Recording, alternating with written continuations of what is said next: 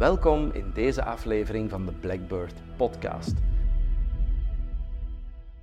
Ik ben Andy Komans en in deze podcast ga ik telkens in gesprek met een ondernemer die verder kijkt dan het puur operationeel besturen van een KMO. Die met andere woorden de inzichten van het investeerder ondernemerschap weet toe te passen om zichzelf en ook het bedrijf vooruit te helpen. En deze keer ga ik daarover in gesprek met een ondernemer die een stevig bedrijf heeft uitgebouwd, maar die nadien ook heeft ervaren dat ondernemerschap een spel is van vallen en opstaan. En dat mooie verhaal, misschien ook kwetsbare verhaal, heb ik de eer om dat vandaag te mogen brengen. Welkom, Dieter Pennings. Hallo. Dieter, welkom dat jij vandaag tijd wilde maken om, om in onze studio te zijn. Ik heb uh, jouw boek dat pas is uitgekomen, uh, met de heel toepasselijke titel De Man in de Arena, ja. uh, heb ik ook net gelezen. Okay. dus ik heb jouw verhaal al met iets meer diepgang mogen doornemen dan wat courant gebeurt bij een podcastopname. Okay. maar voor de mensen die jou nog niet kennen, eh, misschien even mijn eerste vraag meteen aan jou. Wie is Dieter? Ja, dat is een goede vraag. In de eerste plaats is uh, Dieter uh, een gewone jongen die uh, vanuit een middenklasse klein straatje is opgegroeid tot iemand die ja, ondernemen in het bloed had en ehm, van heel klein begonnen is. ooit met een paar werknemers, tot 15 jaar later geëindigd is mijn bedrijf met bijna 4000 mensen. Ehm, dat in corona dan inderdaad over kop is gegaan stuk, in stukken over kop is gegaan. Straks misschien meer daarover. En uiteindelijk diep gevallen is en de laatste jaren heel wat werk heeft gehad om terug recht te staan. En vandaag terug ondernemer of co-ondernemer is. Uh. Absoluut. Wel, uh, dat maakt het natuurlijk ook, hè, want het is altijd leuk. En uh, ik luister zelf ook heel wat podcasts en ik vind het altijd boeiend om naar ondernemersverhalen te luisteren. Ehm, ik stel heel vaak vast dat men graag luistert en kijkt en praat op de momenten dat het goed gaat. Um, maar er zijn natuurlijk ook momenten waarop dat het misschien eens een keer helemaal de modder in draait. En, en dat hebben jullie ook ervaren, maar ik wil minstens evenveel aan het positieve verhaal even okay. de aandacht geven, omdat um, jij bent samen met jouw echtgenote Anja en een goede kameraad, want jullie zijn uiteindelijk met drie ingenieurs ja. van de schoolbanken gekomen. Ja. En jullie dachten, we gaan eens een keer iets doen in de mode. ja, dat dachten we eigenlijk niet, maar we dachten wel, we gaan eens iets anders doen. Hè. We waren elke jaar of vijf uh, aan het werk in ja, onze ingenieurbranche. Voor mij betekende dat ik was even blijven hangen aan de universiteit. Uh, het idee om een doctoraat te maken veranderde snel in het oprichten van een spin-off bedrijf, enzovoort, enzovoort. Maar na vijf jaar in de technologiewereld, we hadden ook een dotcom-bubbel gehad, uh, we wouden eens iets anders doen. En geen kliks, niet meer, maar bricks. En dan zijn we op een bepaald moment tot het uh, fantastische idee gekomen dat er ook makelaars zijn in bedrijven. Dat wisten we eigenlijk toen niet. Ja, in de voetbal had ik dat al eens gehoord. En ik had dat ook al wel een keer gehoord. Hè. In een huizenwereld, maar goed, hè. makelaars van bedrijven, dat bestaat dus. En wij daar naartoe op een blauwe maandag en er werden ons bedrijven gepresenteerd. Ja, eentje nu, veiligheidsschoenen, toepasselijk voor ingenieurs. Um, logistiek bedrijf was er ook bij zo het een het ander passeerde. En goh, ik denk dat hij een mens al gezien had van, ja, ik kan dit precies. Die jonge mensen die toch niet enthousiasmeren. We waren toen 27. Uh, ehm, nee, dat, dat, lukte niet. Totdat er een collega binnenkwam met een dossiertje in kinderkleding. En waarom, weten we nog altijd niet goed. Maar uh, ja, dat enthousiasmeerde ons. We zijn daar wat ingedoken. We dachten ook van, oké, dat is import van kleding. Hier kan nog veel mee. Hier kunnen nog winkels. Hier kan zelfs online van alles en nog wat. En voordat wij het wisten, zaten wij dus ja, als ingenieurs in de kindermodewereld op dat ja. moment. Ja. Want jullie hebben toen jullie eerste merk eigenlijk overgenomen. Ja. Dat was Fred Ginger, waar dat jullie mee gestart zijn. Ah, het, is, het is nog een stapje vroeger. Het was een, het was een klein kinderkledingmerk dat in de Vlaamse markt wel wat footprint had. Maar we zijn eigenlijk uh, ja, daar heel direct mee aan de slag gemoeten. Want uh, dat bedrijf, wat dat we toen nog niet wisten, in de M&A-wereld, in de wereld van de overnames, ja, daar wordt wel het een en het ander qua dossiers opgepoetst en opgeblonken. Window dressing, hè, zoals ja. dat netjes noemt in het Engels.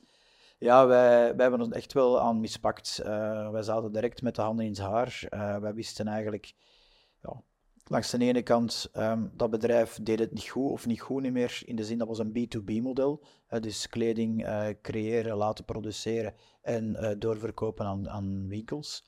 En we hebben eigenlijk vrij snel beslist, um, we moesten ook wel, want we hadden elk een borg van een miljoen euro op onze kop door de, door de banken gezet. Ik wilde daar nog op terugkomen. Wel, ja. Je hebt uh, de atypische keuze al gemaakt om aan het ondernemerschap te starten, niet door iets zelf uit een zolderkamer te laten groeien, maar dan een bedrijf te kopen. Ja. En ik herinner mij dat ik in uw boek had gelezen van, ja, um, wij hebben een financiering rondgekregen die vandaag, anno 2024, waarschijnlijk niet meer zou lukken. Nee.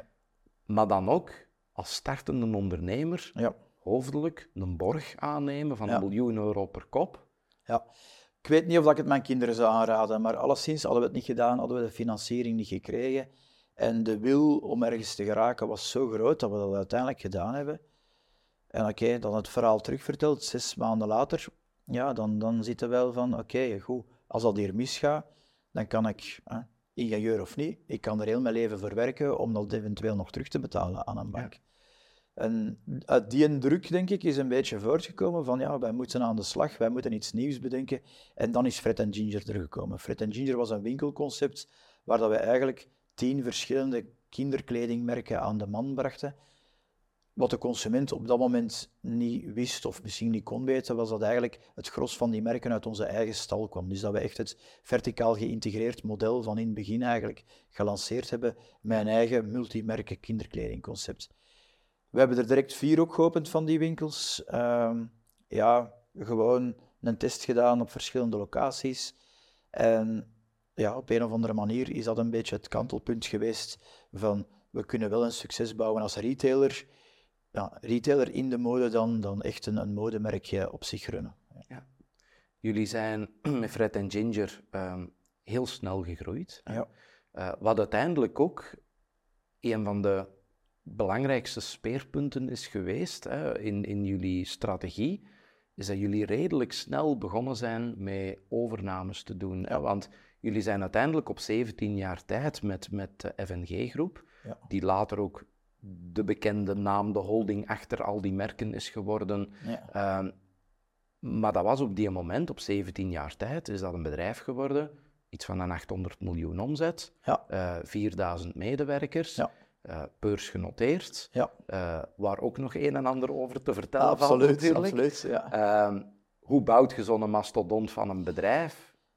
Ja, goh, hoe dat je dat doet is, is eigenlijk ja, ook altijd stapje voor stapje. Want uiteindelijk, en dat is vaak ja, zo, een verhaal wordt geschreven, vaak achteraf, en dan lijkt dat het ene succes na het andere en die overnamen en dan die overnamen en dan Brantano terug in de markt gezet en dan dat gedaan en dan dat gedaan. Maar uiteindelijk is het heel veel zaken die op onze weg zijn gekomen die we gewoon aangepakt hebben.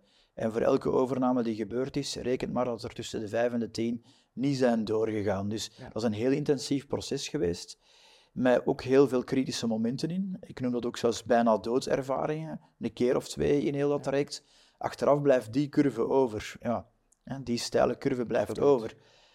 Maar daar zit veel meer achter dan... dan, dan En het is niet alleen op het einde van heel hoog... Ja, natuurlijk vallen dat toe pijn. En ik zeg vaak van, ja, ik ben serieus op mijn bakken gegaan. Dat is ook zo. Maar onderweg zijn we ook vaak gestruikeld en terug moeten rechtstaan. Dus er is niet één bouwplan. Het is gewoon ja, een bepaalde strategie en ik denk wel dat we daar heel een tijd aan vast hebben gehouden. Van kijk, wij gaan proberen een platform voor merken uit te bouwen. Eerst als modemerken, dan als retailmerken. En proberen alles wat centraal kan gebeuren, zo optimaal mogelijk te organiseren. En van elk stukje dat we doen, elke keer ons de vraag te stellen van, ja, gaan we dat make or buy doen? Ja. En make or buy was vaak buy, daarom dat ze nou, over ons zijn beginnen schrijven als een buy and build uh, verhaal ik vind nog Milton beter dan Make or Buy, want eigenlijk Fred en Ginger hebben wij zelf uh, gemaakt. Brantano mhm. terug in de markt gezet, hebben wij zelf gemaakt. Ik wil maar zeggen, er zijn een aantal zaken die, die lijken alsof, ik denk wel dat er een kleine 30 overnames uiteindelijk um, geweest zijn. Maar het was allemaal met, ja, met één groter doel voor ogen, namelijk in de Benelux en daarna op Europees niveau ja, die schaalvoordelen gaan ontwikkelen. Wel, want dat is iets wat heel hard in, in jullie verhaal naar voren komt. Hè, is, is, en ik denk dat daar heel wat ondernemers vandaag misschien te weinig van bewust zijn, is dat op het moment dat je, dat je puur gewoon in je eigen lokale markt blijft zitten, op één businessmodel blijft inzetten, ja. dan, dan zijt je ook als organisatie zeer kwetsbaar. Ja, Terwijl, ja, het is een risicovolle strategie om bedrijven over te nemen en te integreren, maar als uw fundament goed ligt en uw platform, zoals je het noemt, hè, dat platformbedrijf waar alles op geënt wordt, dat platform zit goed in elkaar en dat heeft zijn eigen bewezen. Wat ook meestal de reden is, en dat zie ik ook in jullie curve, dat in het begin die overnames wat trager gingen en wat kleiner waren dan op langere termijn. Ja. Dat je natuurlijk, ja, je hebt de kinderziektes eruit gehaald. Ja. Maar ergens is dat ook een strategie, denk ik dan, om meer zekerheden te creëren in dat ondernemerschap. Het is vooral een, uh, ja, het is vooral een, een soort van ja, mitigeren van risk. Eigenlijk is het van, ja, oké, hoe meer merken dat je eigenlijk in de markt zit, ja, ik kon niet voorspellen welke dag welk merk het best ging presteren, maar overal kon je wel op groei inzetten, omdat je het in een, ja, in een ja, divers model deed, met ja, je risico's toch gespreid over verschillende. En heel die merkenportefeuille was ook een levend gegeven. Er zijn namen in geweest die weer snel verdwenen zijn en er zijn er die lang meegegaan zijn. Ja. Het was eigenlijk ja, proberen van inderdaad elke keer die machine van ontwerp, productie, het logistieke proces, het winkelproces dat moesten we elke keer um, opzetten. Maar inderdaad, vanaf dat dat goed werkt, of dat je dan nu voor één merk doet of voor tien merk, ja. schaalverdelen komen, maar ja, als je het wat groter aanpakt. Ja, ja. want ik herinner mij nog uh, ergens dat je een passage had in je boek waar je zei van, uh, als je een winkel open doet, doet er dan tegelijkertijd vijf open. Ja. Want je zou maar die ene winkel geopend hebben, net op die ene locatie waar het niet gelukt is. Ja, in, uh, ja, in mijn in mijn uh, ingenieurspraatje noemt dat, statistisch uh, gezien is 1 gelijk aan 0. Met één winkel testen niks. Ja. En het concept, inderdaad, Fred en Ginger hebben op vier locaties getest. Um, ja, Leuven, Mechelen, Aalst en Turnhout. En dat bleef ook zo. Als we dat alleen maar in Leuven hadden getest, dan hadden we gedacht, the sky is the limit. Hadden we dat alleen maar in Aalst getest, dan ja, hadden we waarschijnlijk niet doorgezet. Maar dat lag niet aan de stad zelf, dat lag gewoon aan de ligging, dat lag aan een foute keuze van, van een aantal zaken van inrichting. Goed, en ja, door een beeld hebben van vier winkels hadden we eigenlijk door van ja, dit is een, een concept, oké, er moest nog veel aan getweakt en getuned worden, maar waar je kunt uitrollen. En dat is eigenlijk altijd zo gebleven, dat wij geprobeerd hebben van ja, test dan een keer en test dat dan niet in één, uh, in één ja, site of in één mogelijkheid. Ja. Ja, want dat komt heel vaak terug in jullie verhaal, is elke keer dat experimenteren, dat dat een onderdeel is van het proces. Ja. Nu, er komt een moment waarop dat je zegt, we hebben iets gekocht, we hebben dat geïntegreerd en nu kijken we terug naar uit naar het volgende. Ja. Maar als je zo kort kunt beschrijven die er was zijn voor u, na een overname, de criteria waaraan voldaan moet zijn, alvorens dat je zegt van, en nu zijn we klaar om terug die volgende sprong te maken ik ga dat een beetje omdraaien. Voor mij was het eerder van, wat zijn de criteria die er vooraf uh, toe doen, eer dat je een overname doet. Hè? Ja. Los van de strategische puzzel, los van uh, ja, er synergieën moeten zijn en schaalvoordelen en eventueel nog wat besparingen dat je kunt doorvoeren en, en weet ik veel wat allemaal. Eigenlijk het belangrijkste aan een overname, wat dat wij geleerd hebben, is dat je op voorhand aanvoelt. Ja, natuurlijk komt maar hè, de pudding eten maar achteraf op en dan weten ze hoe dat ze smaakt, maar uiteindelijk als er geen chemie is, als het plaatje niet klopt op het menselijke vlak, en dan bedoel ik vooral op het, ja, noem het toch maar bedrijfscultuur, als de, als de waarden niet kloppen, dan lukt het niet. Dan is het heel moeilijk. Het is echt noodzakelijk van aan te voelen van kijk, hier is een klik op een aantal ja, menselijke aspecten, waardoor dat wij eigenlijk hier niet ja, alles gaan moeten veranderen, alles anders gaan moeten doen, dat er een zekere naturel van integratie is. Dat is key. Dus dat moeten proberen op voorhand in te schatten. En eigenlijk is datgene dat achteraf ook het meeste speelt. Ja, uw plan volgen is uw plan volgen. En oké, wat op zes maanden kan in Excel, is in realiteit vaak 18 maanden, dat is ook zo. Ja. Maar dat, dat menselijke, dat integreren van organisaties, ja, het is pas als je voelt van, ja, nu is iedereen hier deel van het grotere geheel, dat je eigenlijk klaar bent voor de volgende stap. Ja, dus vooral die cultuur en dat moet goed zitten. Ja, en daar moeten hard aan werken en ook de verschillen moeten kunnen duidelijk maken. Hè. Een, Nederlands bedrijf in uw groep opnemen, je moet niet denken dat alle menselijke waarden hetzelfde zijn, want wij zijn Vlamingen en zij zitten boven de Moerdijk en daar zijn verschillen.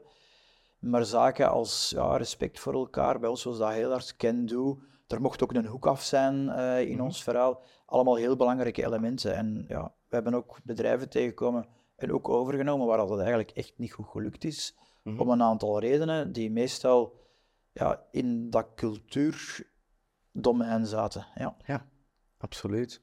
Wat mij ook opviel is, op een bepaald moment, hè, als ik jullie curve, jullie groeicurve bekijk, die dat ook in het boek afgebeeld staat, dan zie je een, een, bepaalde stijgende lijn die zo ineens een knik krijgt en nadien heel stijl de lucht ingaat. En dat is iets wat aan mij wel opvalt bij heel wat buy-and-build scenario's. Ehm, uiteraard, dat is het samenkomen van verschillende aspecten. Hè. Vaak ook dat er op een bepaald moment een verandering in de kapitaalstructuur komt. Er komt een private equity speler achter. Maar heel vaak zie je wel van een bedrijf dat zijn eerste overname voor, bij wijze van spreken, 5000 euro op de achterkant van een bierkaartje doet. En de volgende is er een van 20.000 en de volgende mag al eens eentje van 50 zijn. Ze doen er zo een aantal en in de eerste zat er twee jaar tussen en dan nog een jaar tussen, zes maanden tussen. Maar vroeg of laat komt er dan zo ineens dat kantelpunt, ja. waar dat ineens die snelheid enorm toeneemt, maar ook het formaat van bedrijven toeneemt.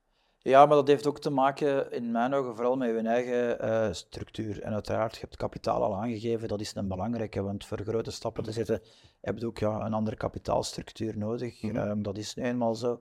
Je hebt ook dus het vertrouwen nodig van investeerders, financiers. En dat is een apart uh, hoofdstuk van hoe dat je dat in orde uh, kunt krijgen of, of mm -hmm. probeert te krijgen. Maar wat er vooral is van, ja, meestal ontgroei je zelf zo de, de stap van, ik noem dat de stap van, oh, bedrijf kleiner dan 10 werknemers, dat kan bij manier van spreken gemakkelijk in de zin, iedereen kent iedereen en dat gaat zo mee tot 25, 30. En dan begin je mee te maken als bedrijfsleider van, oei oei, ja, dan ken ik precies niet meer iedereen. Zo ergens tussen 30 en 100 mensen uh, zit dat. Ja. En dat is ook zo, als je een bedrijf overneemt, dan ken je niet iedereen en dan heb je ook niet meer de tijd om iedereen echt persoonlijk... Allez, uh, ja, al maar de voornaam, misschien dat gaat nog wel, maar goed, dat is niet zo gemakkelijk om dan nog te weten van, ah, dat is een die en als ik daar een vraag aan stel, dan mag ik niet vergeten hoe dat met zijn tweede is, want die was gisteren gevallen op school en weet ik veel. Dus je kent veel meer de intermenselijke, of niet meer de intermenselijke contacten. En als je zo in dat stadium zit van een man of honderd, dan kun je ook veel gemakkelijker je, je structuur opzetten van, ja, ik moet eigenlijk ja, deelbedrijven eigenlijk beginnen opzetten. En dat hebben wij uiteindelijk gedaan. We gaan zo verder met het gesprek na deze korte advertorial. 8 op 10 ondernemers met een succesvolle KMO slagen er nooit in om zichzelf los te koppelen van hun bedrijf. Hoe zit dat bij u? Door als ondernemer te blijven vasthangen in het operationeel besturen van uw bedrijf, zult gij nooit die cruciale sprong maken naar het investeerder ondernemerschap. En dat kost u veel meer dan je zou denken. Zoals op tijd uw verantwoordelijkheden delegeren of een managementteam installeren. Op een juiste manier omgaan met financieringshefbomen of kapitaal ophalen.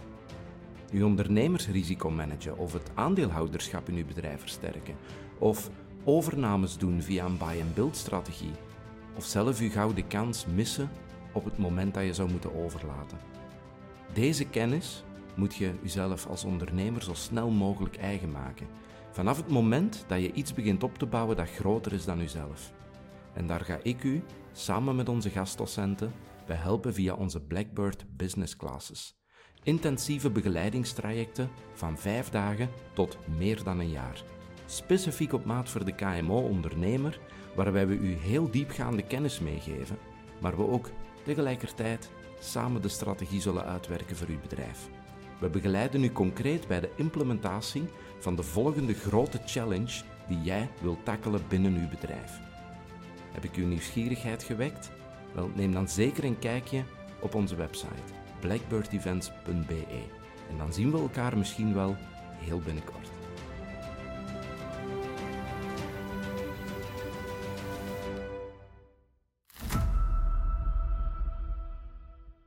FNG was een groep met acht deelbedrijven, waarin uh, ja, het Zweedse Ellos en Brantano de grootste waren en Fred Engineer de kleinste waren. Maar die waren allemaal op dezelfde manier georganiseerd en gestructureerd, omdat je wist hoe dat je dat moest aanpakken in het klein. En dan ook in het groot. Ja. Eerder een, een, een, ja, een vloot van verschillende bootjes die allemaal in dezelfde richting varen dan één grote loggen tanker. Wij hadden ja, het begrip van de loggen tanker, ja, je weet welke risico's dat eraan zijn. Oké, goed, we hebben met onze vloot ook veel water gepakt uh, uiteindelijk in corona. Maar goed, ja, lang, lang vooral kort, we hebben echt geprobeerd van het als een vloot uit te bouwen. Ja, dat klopt. Ja. Absoluut. Jullie zijn op een bepaald moment... Uh, naar de beurs gegaan. Hè? Dus, Want ja, uiteindelijk, hè, je ziet dat vaak in de curve voor bedrijven die daar misschien, terwijl ze dit horen, wat minder mee bezig zijn. Ehm, een kantering die ik daar altijd bij wil maken is van, ja, ik denk dat een beursgang vroeg of laat een stap is waar je naartoe gaat wanneer de normale kapitaalmarkt in de behoefte niet meer kan voorzien, als mhm. de bedragen wat groter worden, de leverage moet wat mhm. groter worden. Tegelijkertijd ja, is het ook niet zo dat een beursgang alleen maar weggelegd is voor de Apples en de Googles van deze wereld, maar dat je daar vaak ook al wel iets kleinere bedrijven tegenkomt. Ehm, jullie zijn altijd al aan het werken geweest met investeerders, altijd aan het werken geweest met uh, externe kapitaal, leverage. Um, toch, die beursgang, dat is iets waar ik, als ik terugkijk naar uw boek, waar dat je denk ik, de bedenking het sterkste maakt van achteraf bekeken, hadden we dit wel moeten doen? Goh, um, ja, wij hebben eigenlijk vrij vroeg in ons verhaal gekozen voor uh, een beursgenoteerd aandeel om verschillende redenen. Maar de eerste reden eigenlijk was van, wij wouden van een B2B-omgeving heel duidelijk een B2C-omgeving uh, eh, maken. Wij waren uh, echt business-to-consumer gericht en dan ja, is het niet zo moeilijk als je bekende namen in je portefeuille hebt. Goed, als je met, met Fred en Ginger, maar dat was ook zo met CKS, dat was in Nederland met Claudia Steter. Je bereikt eigenlijk een heel groot publiek, je hebt miljoenen klanten. Ja, dan probeer je te converteren naar, oké, als die miljoenen klanten ook ons aandeel zouden kopen, dan hebben we tweerichtingsverkeer. Dat is win-win. Dus je probeert eigenlijk je verhaal onder de aandacht te brengen van, het is een verhaal in product voor veel mensen. Ja, je kunt er eigenlijk ook langs de financiële kant, en je kunt er ook deel van uitmaken. Dat was eigenlijk de eerste uh, stap. Zo hebben we het ook in stap eh, stappen uitgewerkt naar de Nederlandse markt toe. In 2015, 2016 zijn wij een Nederlands beursgenoteerd bedrijf geworden in Amsterdam. En dat liep eigenlijk allemaal goed. Uh, waar ik kritisch voor ben, is, uh, je hebt er juist al een element aangehaald, leverage. Hè. Uh, het is in een private omgeving en met private equity spelers vaak veel makkelijker om highly leveraged, hè, of om, om veel schuldfinanciering op te halen, om een keer een grotere overname te doen dan eigenlijk beursgenoteerd. Ja. En het beursgenoteerde kader, zoals dat hier uh, in Brussel dan ja, was, was voor ons eigenlijk misschien ja, niet ideaal op tempo dat wij wouden, wouden groeien. Omdat je eigenlijk in een kader zit dat heel strikte uh, zaken oplegt. En daar was onze groeicurve waarschijnlijk te stijl voor. Ja. En ik heb op het einde van de rit, uh, en daar zat nog gezondheidsproblematiek ook bij hem, ook nog plannen voorgelegd om een delen van het bedrijf um, van de beurs te halen, helemaal van de beurs te halen. Eigenlijk had dat een beter idee geweest, achteraf bekijken. Mm -hmm. Maar ja, toen wisten we niet dat corona op ons uh, afkwam. En het is eigenlijk de combinatie van, ja, van corona, ineens winkels dicht, ja, dicht. Uh, 10 miljoen euro per week was onze normale omzet uh, dat wij maakten, of minstens maakten. Ineens viel die terug naar nog, nog geen 10 procent. We waren niet genoeg ontwikkeld als online bedrijf om dat daarna te compenseren. We hadden wel een overname gedaan van een puur online bedrijf, maar we zijn eigenlijk nooit aan die integratie uh, kunnen beginnen. Uh, er is daar een corona tussen gekomen die daar dwars door ja, ons eigenlijk omvergeblazen heeft. En dan zit je nog een autoriteit, ja, de beurswaakhond, die ook nog moeilijk begint te doen over van alles en nog wat. En eigenlijk, ja, dat en, en, en is op een bepaald moment te veel geworden. Ehm, ik kon zelf ook, ja, dat is ook een puzzelstukje, hè. ik kon zelf ook niet meer, ja, bij manier van spreken, recht blijven staan. Ik ben in het ziekenhuis beland. al die elementen heb ik in mijn boek netjes beschreven. De perfecte storm was daar en ja, goed. Ja. het schip in Benelux is ja. heeft water gepakt en is verloren gegaan. Hè. Ik, vond, ik vond dan een hele frappante, die, die ook in uw boek schreef, hè, van moesten wij toen we op het moment naar de beurs gestapt zijn, ehm, moesten we op die moment als aandeelhouders beslist hebben van kom, we verzilveren een stuk, we cashen uit, ja. dan hadden we elk tientallen miljoenen euro's mee naar huis genomen en dan had waarschijnlijk iedereen geapplaudisseerd. En ik moet eerlijk zeggen dat vanuit wat ik elke keer predik, Ja. ook, ook wat een beetje mijn missie is in Vlaanderen, is, is, is naar ondernemers toe, ook wat dat wij doen beter met Blackbird, is ondernemers toch een stukje wegwijs willen maken in die Ja. M&A-wereld, in, Ja. in heel dat aspect, zodat je op zijn minst als ondernemer weet wat dat er kan. En ja, daar had ik dan als mens, denk ik, een, een, een andere keuze gemaakt om te zeggen van, moeten we nu al niet een stukje van ons risico op het droge gaan zetten? Ja. Dat is heel individueel natuurlijk. Hè, die... Ja, maar het is, het is niet dat dat onderweg, ah dat is een aantal jaren daarvoor wel, eh, wel gebeurd, maar het gaat over, wat ik in mijn boek ook wil zeggen, ik ben echt geen gelukkigere mens of ongelukkigere mens omdat ik wel of geen tientallen miljoenen. Nee. Eigenlijk is het voor geen een van de drie eh, ondernemers die het verhaal gestart zijn, ooit om de centen te doen. Het is, Nee. In het begin was het om de rock and roll en om het is fun voor te ondernemen en op het einde van eh, was het misschien allemaal wat te groot. Dat kan achteraf, hè. Die, die bedenking is gemaakt. Maar we deden het wel omdat wij het totaalplaatje zagen en die puzzel met die integratie van dat Zweeds bedrijf volledig zagen kloppen. We hebben altijd geloofd in onze missie. We gaan iets neerzetten ja, Ja. Dat, dat vernieuwend is. En ehm, ik denk wel dat wij daar... Ik geloof daarin als één of twee van die crisiselementen er niet was geweest in 2020, Ja. dat we vandaag nog altijd een succesvol bedrijf zouden hebben. Het is gegaan hoe dat gegaan is. Eh, Je hebt geen kristallen bol, hè? Nee, en we hebben natuurlijk, en dat is in overnames wel belangrijk, van je gaat een schuldfinanciering aan en eh, daar moet je wel mee oppassen. Als je die aangaat, dan gaat het dan langer niet meer over persoonlijke borgen en weet ik veel wat.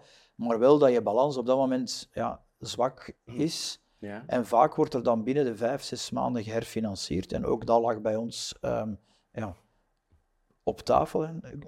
Je, je gaat eigenlijk korte termijn financieren om je overname eh, te realiseren. Dat was bij ons niet zo korte termijn, maar dan probeer je dat in een vijf of zeven jaar eh, plaatje te krijgen.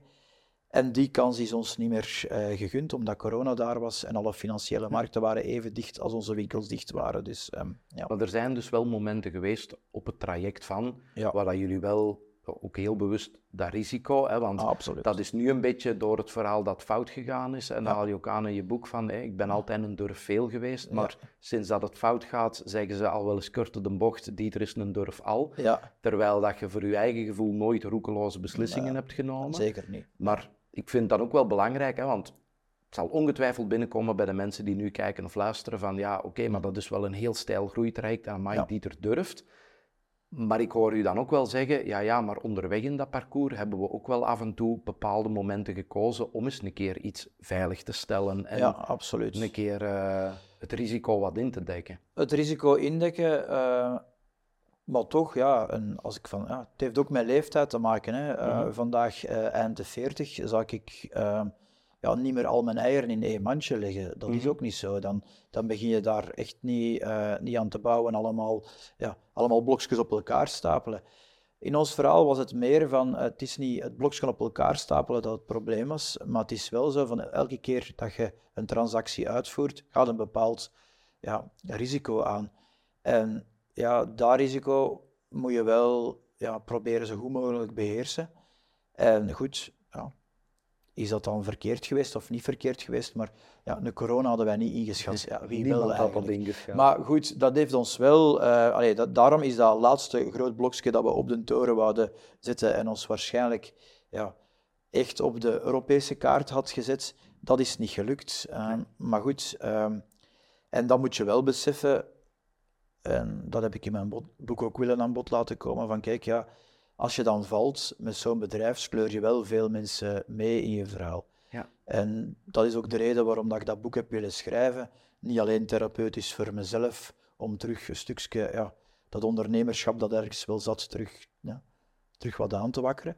Maar vooral ook om ja, ergens een sorry te kunnen zeggen aan, aan, aan de mensen die, die je betrekt in die val. En dat is natuurlijk, ja, dan is klein misschien wel fijn, want als je dan struikelt, ja, dan doet het misschien even pijn. Maar zoals ik gezegd heb, ik ben echt wel serieus op mijn gezicht gegaan. Hè. Dus, eh, Ja, het, het was een bedrijf in grote schaal. Nu, misschien nog één dingetje dat ik heel even wil aanhalen voordat we naar het, naar het moment gaan waarop het inderdaad dat bovenste blokje niet meer paste.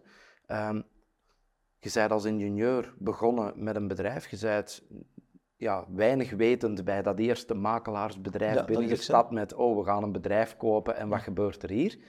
Ehm, niet veel verder in dat traject. Hè. Althans in pagina's, maar wel in jaren eh, zit Dieter aan de onderhandelingstafel om een bedrijf van 200 miljoen Ja. euro te kopen. Ja. Eh, ik eh, herinner mij verschillende passages over ehm, meetings met tientallen consultants aan de tafel, aan de twee kanten en een ongeduldige Dieter die zegt van als je nu nog veel gaat palaveren, ik ga nu buiten en over een kwartier is er een oplossing of hoeft hier niet meer te zitten.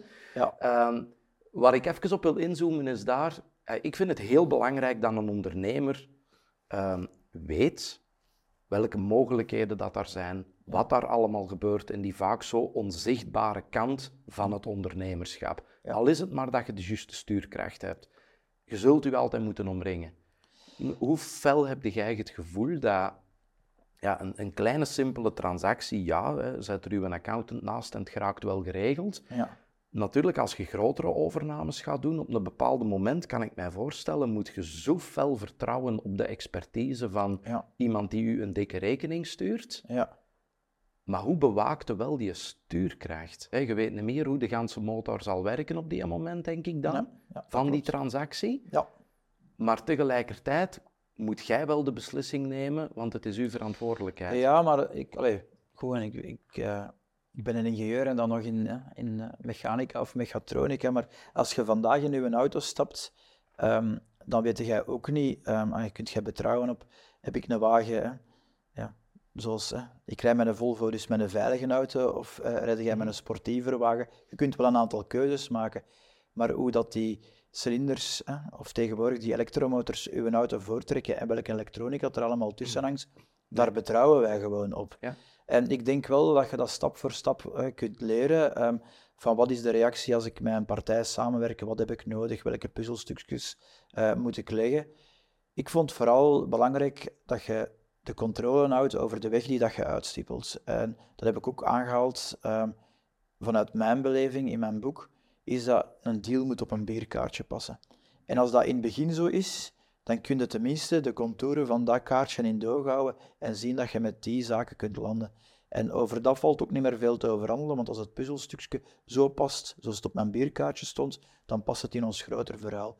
En mijn rol was eigenlijk vooral om dat goed te bewaken, de kern van, van die deal, plus het tempo. Hè. En ja, daar heb je wel, en daar, dat kan ik wel aan uw luisteraars eh, of kijkers meegeven, van kijk, ja, je hebt nu eenmaal partijen die, die advies geven om het advies. En nu en daar, en dan moet je kunnen zeggen, cut the crap. Ja, van kijk, is het nou links of rechts? Hè? Want eh, advies bestaat in alle soorten. Wat ik wel zou aanraden, en dat is iets wat ik misschien te weinig heb gedaan along the way, is wel voor zo'n grote transacties meer second opinion eh, Ja. vragen. Hier en daar hebben wij ja, die transacties snel gedaan, waardoor dat je achteraf soms meer miserie had. Lijken vallen altijd uit de kast en in elke overname is er wel iets mis. Maar meestal vallen die binnen de zes maanden uit de kast. En als ze vallen en je hebt ze niet gezien, ja, dan heb je er echt wel heel wat miserie mee. Ja. Dus, eh, ja. Absoluut. Nu, op een bepaald moment inderdaad is, is COVID langsgekomen. Eh 500 winkels die plots dicht Ja. moesten. Je hebt het ook al aangehaald. Hè? Een omzet van 10 miljoen per week die ineens gedecimeerd wordt naar nog geen 10 procent. Ja. Aan de andere kant, al uw overnameschulden, noem maar op, die Ja. zaken blijven wel doorlopen. Ja. Ja, dan, dan zie je dat, hoe klein of hoe groot een bedrijf ook is, op een aantal maanden kan het ineens heel fout gaan. Ja. En ik herinner mij nog ehm, dat ja, op de moment, en, en dat is een passage die me wel is bijgebleven, dat je ooit al het aanbod had gekregen van een boek te schrijven. Ja. En dat je toen nee hebt gezegd omdat je vond, FNG is niet gebouwd alleen door Dieter en ik Nee. wil het niet op die manier brengen. Ja. En uw uitgever die zei van ja, maar een goed verhaal heeft één smoel nodig. Ja. En, en toen het verkeerd ging en plots alle camera's in uw richting keken, Ja. toen had het verhaal ook één smoel nodig. Ja. En toen is dat wel teruggekomen. Ehm, uiteindelijk, ik, ik ken weinig tot geen ondernemers, denk ik, die meegemaakt hebben, en dat zeg ik met grootste respect, die meegemaakt hebben wat jij hebt meegemaakt. Ehm, van het ene kant van het verhaal waar dat je als aandeelhouder van KV Mechelen dus een speler hebt die vraagt, ja, wie zei jij? En dat er even later iemand zegt, ja, ik heb hem gevonden op een of andere rijkste Belgen website, moest mijn gsm plat houden om het bedrag te kunnen lezen achter zijn naam. Ja. Tot op een moment waar het dan fout gaat. En het eindigt dan niet bij, oei, nu zijn we ons bedrijf kwijt. Ja. Maar even later komt daar een procedure op gang, Ja. waar we nu niet over in detail moeten gaan. Ja. Maar die is wel op een bepaald moment, ehm, heeft dat wel een vorm aangenomen dat er ineens huiszoekingen kwamen, Mhm. dat ineens Dieter niet meer naar huis mocht. Ja. En dat Dieter meer dan 40 dagen in voorhechtenis heeft gezeten. ja, ja. Ehm, en plots, en ik vond dat ja, heel krachtig dat je dat benoemde op een bepaald moment van, ja, je bent dan ineens van iemand die veel bijdraagt in de maatschappij, ga dan naar iemand waarvan dat de maatschappij zegt, eigenlijk zijt jij nu een gevaar voor de maatschappij. Ja, ja. ja het is, dat, is een, dat is een moeilijk verhaal, maar oké, achteraf, en ik heb er wel even over gedaan, kun je dat ook wel weer eh, ja, op een tijdslijntje zetten en, en daar inzicht in krijgen. Wat gebeurt er? Ja, een, een verhaal, ja, ergens eind 2019, eigenlijk ben ik eigenlijk ja, al vanuit een medisch standpunt, ja, dokters zeiden je kunt beter er even mee stoppen, maar even werd niet gedefinieerd, dus ging ik maar door. Je komt in een situatie waar dat je wilt blijven rechtstaan en eh, je wordt met corona geconfronteerd en je belandt opnieuw in dat ziekenhuis, je moet het stokje doorgeven. Ja, ik geef dat stokje door, ja, op dat moment niet goed beseffend wat er gebeurt, maar alleen mijn opvolgers, ja, die verliezen eigenlijk alle ja, vertrouwen, omdat ja, als die er niet meer mee aan tafel zit, wat gebeurt er hier eigenlijk allemaal? Mhm. Dan nog eens on top. Ehm, ja, ineens gaat dat verhaal van kwaad naar erger, financiers eh, trekken, ja, alles in wat ze kunnen intrekken, spelen op, eh, in hun logica op veilig, waardoor eigenlijk de schade alleen maar groter wordt. Ik heb het vergeleken in mijn boek, het was precies of dat FNG een petje was dat in het midden van een vijver was beland en niemand maakte zijn borst niet meer nat om het te gaan halen. Het petje gaat onder, er komt een faillissement. Ah ja, na een faillissement van zo'n bedrijf, dat er veel vragen komen, er was ook veel persaandacht over. Er is een gerechtelijk onderzoek gekomen, dat trouwens eh, nog genoeg loopt. Ehm, ja, goed, wij zijn dan van iets eh, beticht dat we ons niet aan ons voorwaarden zouden hebben, hebben gehouden. Waar ik enorm veel vragen bij stel, wat dat eigenlijk dan zou kunnen geweest zijn. En dan heeft het gerecht inderdaad 40 dagen nodig gehad om te onderzoeken of dat ik mijn voorwaarden gerespecteerd had of niet. Hè. Ik ben Ja. terug vrijgekomen. Dus, dat, eh, dus het antwoord zit erin verpakt, maar uiteindelijk, je belandt aan de kant van de maatschappij die dat je niet kent. En ook daar weer vond ik wel de kracht terug. En dat heeft lang geduurd, hè, maar ook daar weten van ik moet overleven. Twee dingen zijn er gebeurd. Eén, ik ben beginnen schrijven en zo is het boek eh, er gekomen. En twee, ja, ook daar kunnen van mensen iets leren. Ik heb daar dingen gezien. Ja, ik ben ja, in dat klein straatje in een middenklasse eh, geboren. Er zijn andere mensen die in andere wegen zijn geboren, waar misschien evenveel ondernemerschap in zit, maar die niet hebben geleerd van dat op de juiste manier ehm, aan te wenden. En vandaag de dag hou ik me zelfs bezig ook als een stukje maatschappelijk ja, werk van ehm, die mensen te helpen die daar vandaag terecht in komen om hun ondernemerschap op een positieve manier in te zetten. Dus je leert van iedereen iets. Ja. Absoluut. Ja, ik denk ook wel, het moment dat je zoiets meemaakt, dat wenste u een ergste vijand niet toe. Nee, Ehm, zeker niet. Ik heb ooit ene keer de binnenkant van een gevangenis gezien. Ja. En dat was gelukkig tijdens een, een plaatsbezoek van een maatwerkbedrijf Ja. dat daar eh, aan de slag was. Ja. Ehm, en ik had niet meer dan twee uur nodig, zal ik zeggen, Ja. om, om daar eens door te wandelen, om te zien dat al die jaren dat mensen die nooit die binnenkant hebben gezien en denken van ja, maar een, een Belgische gevangenis, dat is met de Playstation en een flatscreen tv. Nee, eh, de wereld ziet er anders uit. Ja, het is verhaal, het is zo ver van uw normale wereld en je laat niet alleen allee, voor jezelf een hele wereld achter. Ehm, ja, je laat je gezin achter. Ik ben vader van vijf kinderen. Dat heeft een hele grote impact op alles. En natuurlijk ben ik daar heel kritisch voor, voor wat er toen gebeurd is.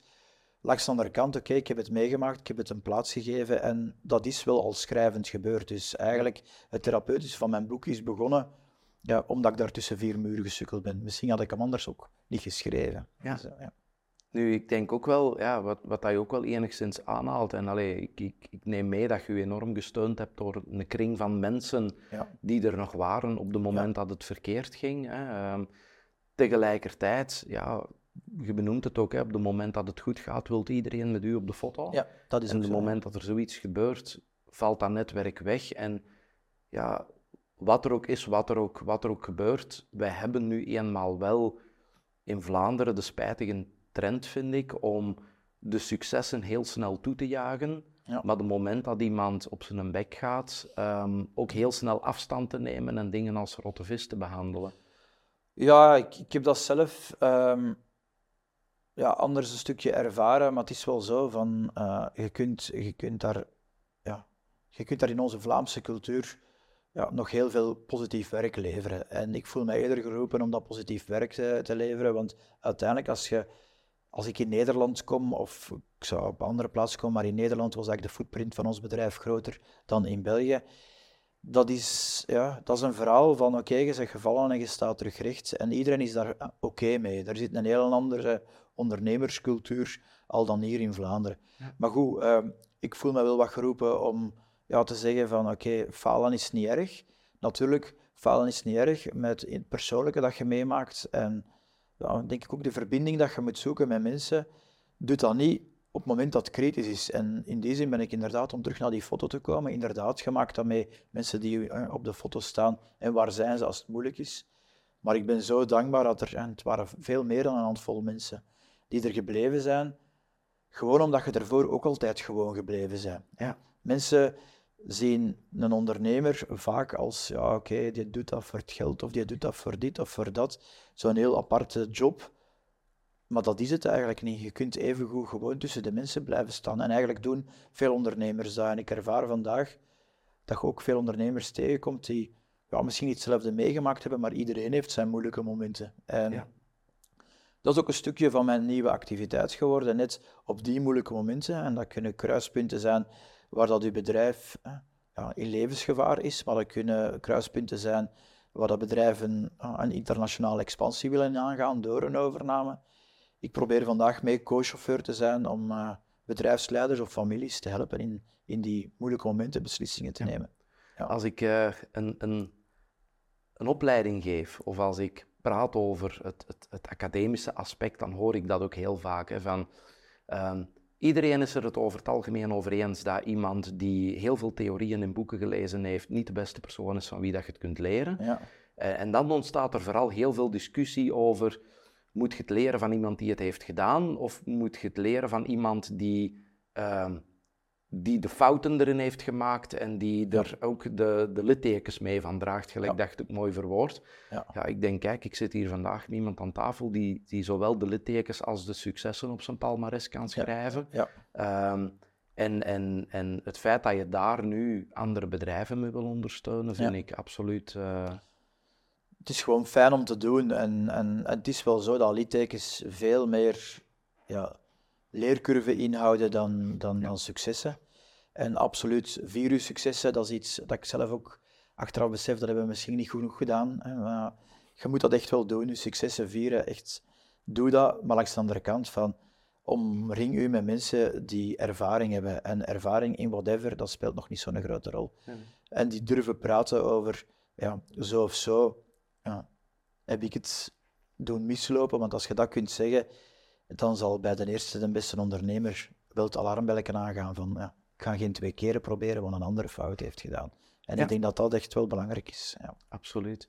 Dieter, ik wil u enorm bedanken dat je de tijd hebt genomen om met ons dit gesprek aan te gaan. En uh, ja, ik denk ook, laat mij nog een keer een warme oproep doen aan, aan de kijkers en de luisteraars ook, om als jullie nog op zoek zijn naar een heel interessant boek, kijk dan eens even naar De Man in de Arena. Uh, Dieter, ik heb hem alleszins met heel veel plezier gelezen. Uh, ik vond het een, een pakkend boek dat uh, twee heel andere kanten van een medaille van het ondernemerschap laat zien. Ehm, ik wil u bedanken om dat verhaal ook hier te brengen. En ik wens u alle succes in wat dat je verder gaat ondernemen. Ik ga nog snel even afscheid nemen van de mensen en dan kom ik zo dadelijk bij jou terug. Oké, okay, dankjewel. Dus beste mensen, dit was het. Spijtig genoeg alweer voor deze aflevering van de Blackbird podcast. Wil je nog ondernemersverhalen ontdekken? Wel, dan ga je mij moeten volgen op social media. Dan houden wij jou meteen op de hoogte. En wie weet komen we elkaar wel eens een keertje tegen tijdens een van onze live events.